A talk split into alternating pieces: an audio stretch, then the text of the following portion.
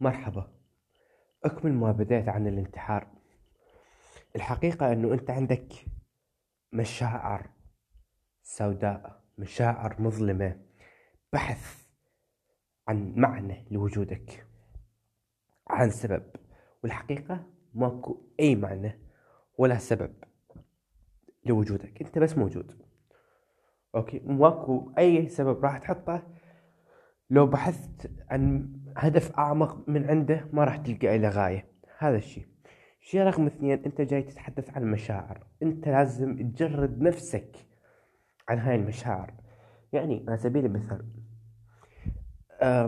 البرغامو يقول بأنه أنا لا أجد نفسي تعيسا أو حزين.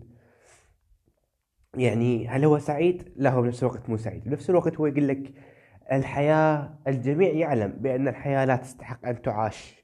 وأنا لا أجد فرقا عندي في, في الموت في سن الثلاثين أو في سن السبعين فكلاهما سيان يعني هو مجرد نفسه من الموضوع تماما. يعني هو يدري بأنه هو مو سعيد ولا تعيس. وبنفس الوقت ما فارقة عنده أنه يموت هسه ورا ثلاثين سنة. هو بكل بساطة ما مهتم تماما ما مهتم لا للمعاناة ولا هو بنفس الوقت يقول لك الحياة لا تستحق أن تعاش. بس ماكو مشكلة نعيشها يعني من أجمل العبارات اللي سمعتها طول حياتي يقول بأنه علينا أن نعيش. لأنه وجودنا هو تحدي للإرادة يعني هو يعني هو يقول أنه الطبيعي بأنه إحنا كل إحنا راح نموت. بس وجودنا هنا هو هذا تحدي للإرادة. وهنا يعني إنه أنت موجود جاي تفرض كينونتك. هذا شيء عظيم جدا. بغض النظر عن شنو جاي شيء جاي تسويه. تريد تريد تعيش حياة تافهة جدا تشتغل وظيفة سيئة جدا بمبالغ زهيدة جدا وبالاخير تستلم مبالغ بسيطة يا دوب تقضيها على شغلات غبية مثل الشرب والمخدرات. أو تريد تعيش حياة رائعة و تشتغل عدد ساعات قليلة وتجني أموال كبيرة وتعيش ب life style معين. بالحالتين نفس الشيء هي الحياة حياة. وهي بالح... بالأخير الحياة بكل أحوالها لا تستحق أن تعاش من الأساس. بس إحنا نعيشها. تحديا للموت. يعني خلينا نتخيل بأنه نحن وجدنا هنا عن طريق الخطأ. وكان يعتقد هذا الشخص بأنه إحنا راح نصحح هذا الخطأ وراح نموت. لا إحنا ما راح نموت. إحنا راح نبقى هنا. آه الحقيقة البعض قد يتصور أنه ليش كلامي بعيد عن المنظور الديني؟ لأنه أنا أعرف كل الزين. الشخص اللي على شفير أنه ينهي حياته ما راح يهتم مطلقا لرأي الدين لأنه أغلب الفلسفات الدينية ما تقدم إجابة كافية.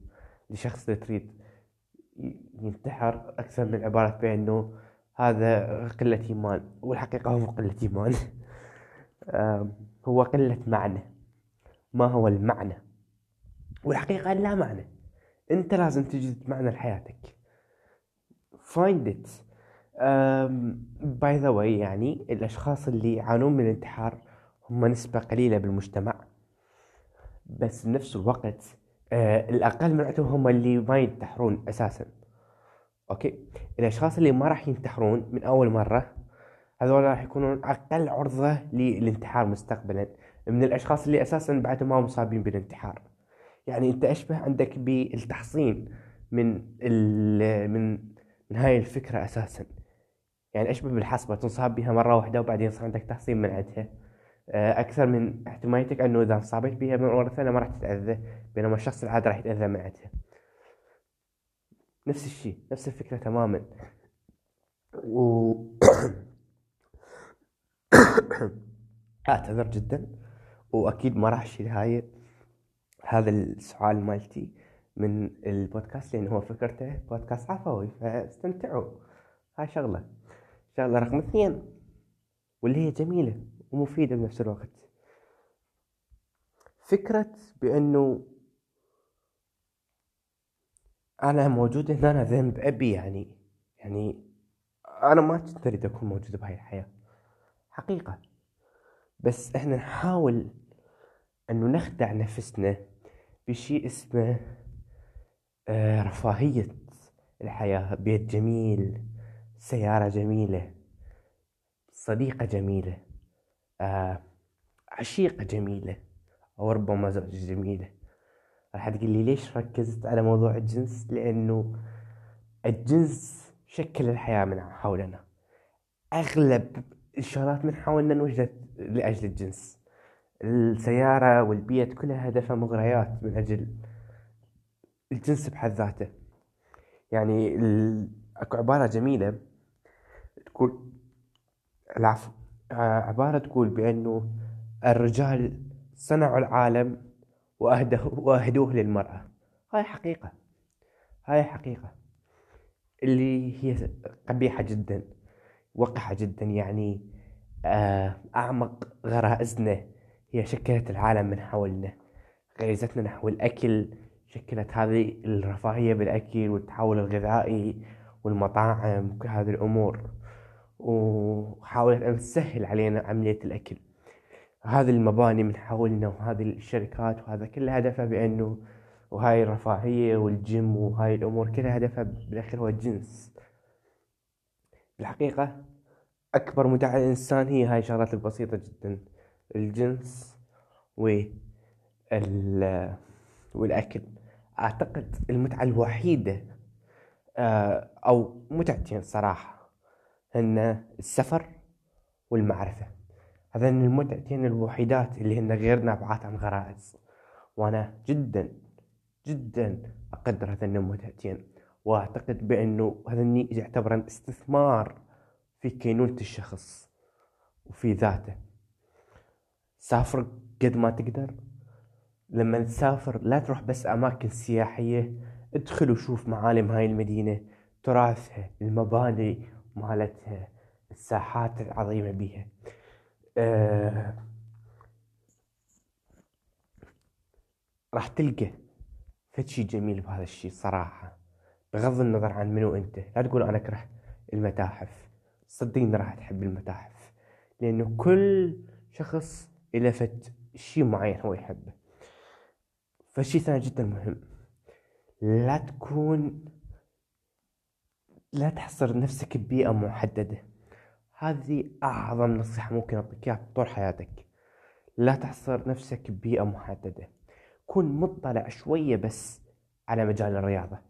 تعرف كرة القدم المنتخبات مال كرة القدم تعرف شنو كأس العالم تعرف عن بعض الأندية. شغلات بسيطة.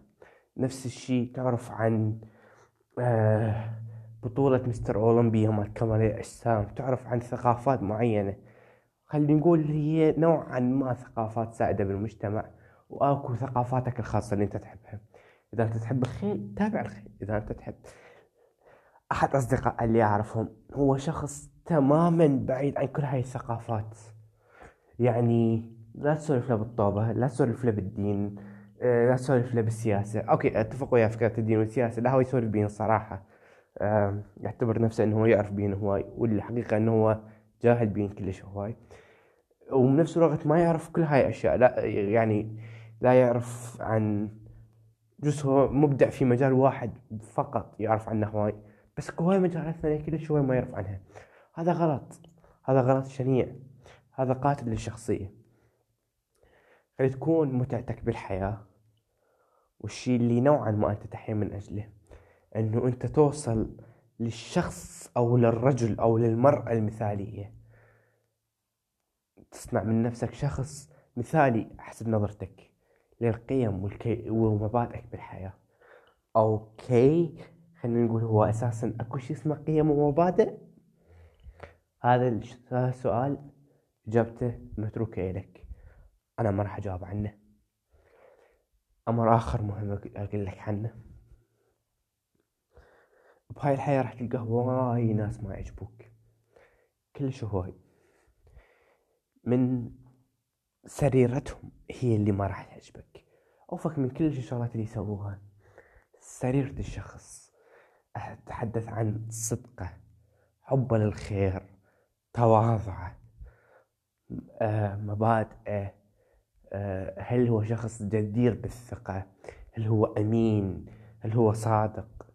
كل هذه التفاصيل قد ما تعجبك بكثير جدا من الأشخاص. كل واحد معتهم راح تلقى عنده شيء. واحد مغرور ثاني كاذب الثالث غير جدير بالثقة الرابع يحب الغيبة أو النميمة أو ينقل حكي بين الناس. الخامس راح تلقاه بأنه هو متعطش لشيء معين مثل الفلوس أو النساء. لما راح تلقى كل ذول الناس اعرف بأنه لازم تعزل نفسك عن كل هذا المجتمع. كل هذا اللي أمامك هو شيء غير مهم. يعني أنت ادخل وحدك بالمجتمع وسولف وياهم وبالأخير قول هذا الشيء كله مو مهم. أشبه بفكرة أم شنو العبارة؟ استكانة شاي اللي شربته وما عجبك. بكل بساطة. يومك هذا بأكمله شيله وشمره بالزبالة خلينا نقول. احترام الشديد لما سمعت. أم يعني تقعد من الصبح تشتغل بوظيفة نوعا ما ما تعجبك لأنه أنت كنت مرغم نوعا ما عليها. it's okay. حاول تغير هذا الشيء إذا تقدر.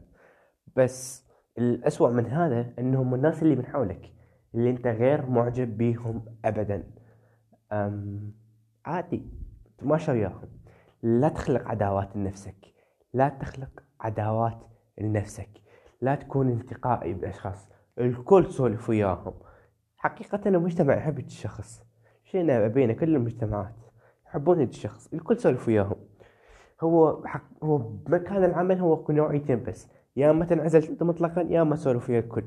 فطبعا هذا اللي يكون بالنص هذا هذا خطية. هذا يروح بالرجلين فأنت خليك هذا الشخص اللي اجتماعي كلش هواي أو تنعزل كلش هواي.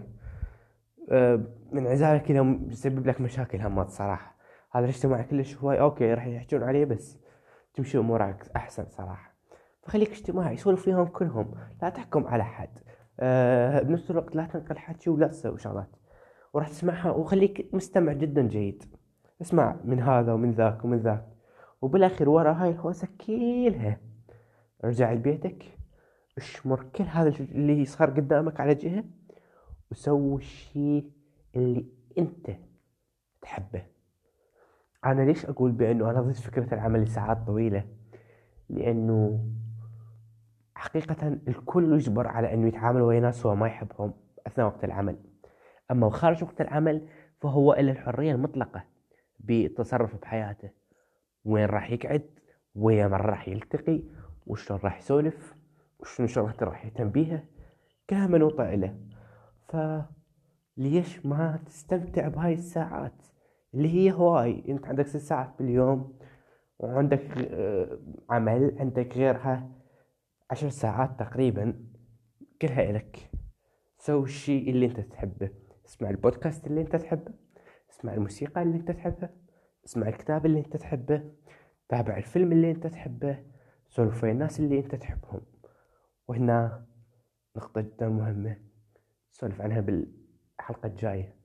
الناس اللي انت تحبهم. هذا كان كل شيء اليوم. ونشوف شنو راح يصير مستقبلا. See you.